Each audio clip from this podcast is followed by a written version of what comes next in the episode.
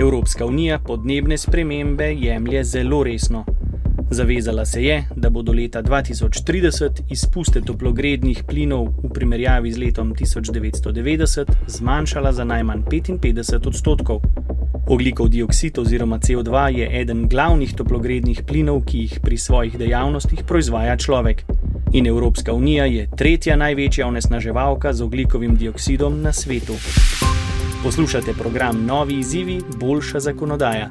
Tokrat se bomo posvetili prizadevanjem Evropske unije, da bi zmanjšala emisije oglikovega dioksida in do leta 2050 dosegla podnebno neutralnost.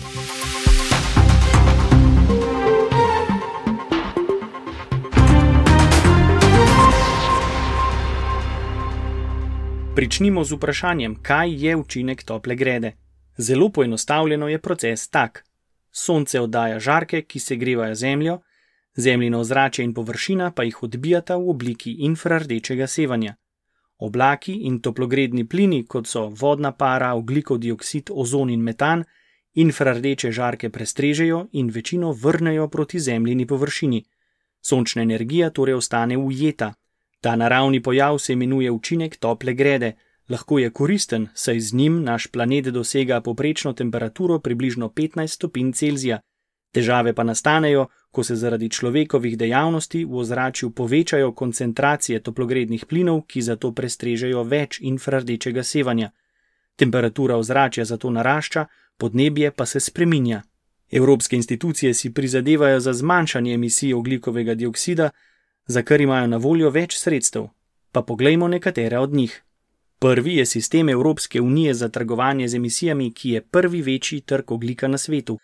Van je vključenih več kot 11 tisoč evropskih elektrarn in industrijskih obratov, ki morajo za vsako oddano tono oglikovega dioksida pridobiti dovoljenje. Dovoljenja za emisije podjetja kupijo na dražbah. Sistem trgovanja z emisijami naj bi podjetja spodbudil, da bi oddajala manj oglikovega dioksida. Manj kot onesnažujejo, manj namreč plačajo. Sistem so nedavno nadgradili in zdaj zajema dva sklada. Prvi je sklad za inovacije, ki finančno podpira energijo iz obnovljivih virov ter zajemanje in shranjevanje oglika, drugi pa je sklad za modernizacijo, namenjen obnovi energetskih sistemov v manj bogatih državah Unije. Drugo orožje v boju proti emisijam oglikovega dioksida so naši gozdovi. Gozdovi in druge gozdne površine pokrivajo 43 odstotkov evropskega ozemlja in usrkajo 9 odstotkov vseh emisij toplogrednih plinov, ki nastanejo v Uniji. Gozdovi imajo zato ključno vlogo pri zajemanju oglikovega dioksida, ki bi sicer še dodatno prispeval k globalnemu segrevanju. Obveznosti držav na področju rabe zemljišč in gozdov so v Evropski uniji določene zakonom. Vsaka država mora izpolnjevati svoje obveznosti in voditi evidenco emisij toplogrednih plinov in oduzemov na področju rabe tal. Tretje urodje za zmanjšanje emisij v Evropski uniji je zakonodaja. Konec leta 2018 je začelo veljati več zakonov o čisti energiji, ki prispevajo k zmanjševanju emisij oglikovega dioksida. Naj ponazorimo z nekaj primeri. Nova pravila morajo omogočati manjšo porabo energije v Evropi in boj proti energetski revščini.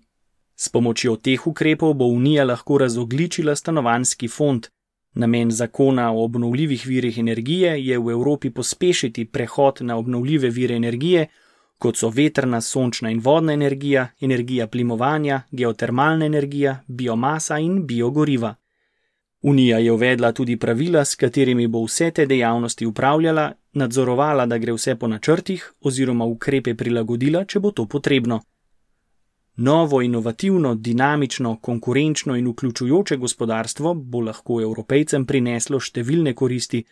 Prehod na podnebno neutralno gospodarstvo torej pomeni okolju prijaznejše navade in bolj zdrav življenjski slog. To je bil prispevek Evropskega parlamenta. Več informacij je na voljo na našem spletnem mestu Think Tank.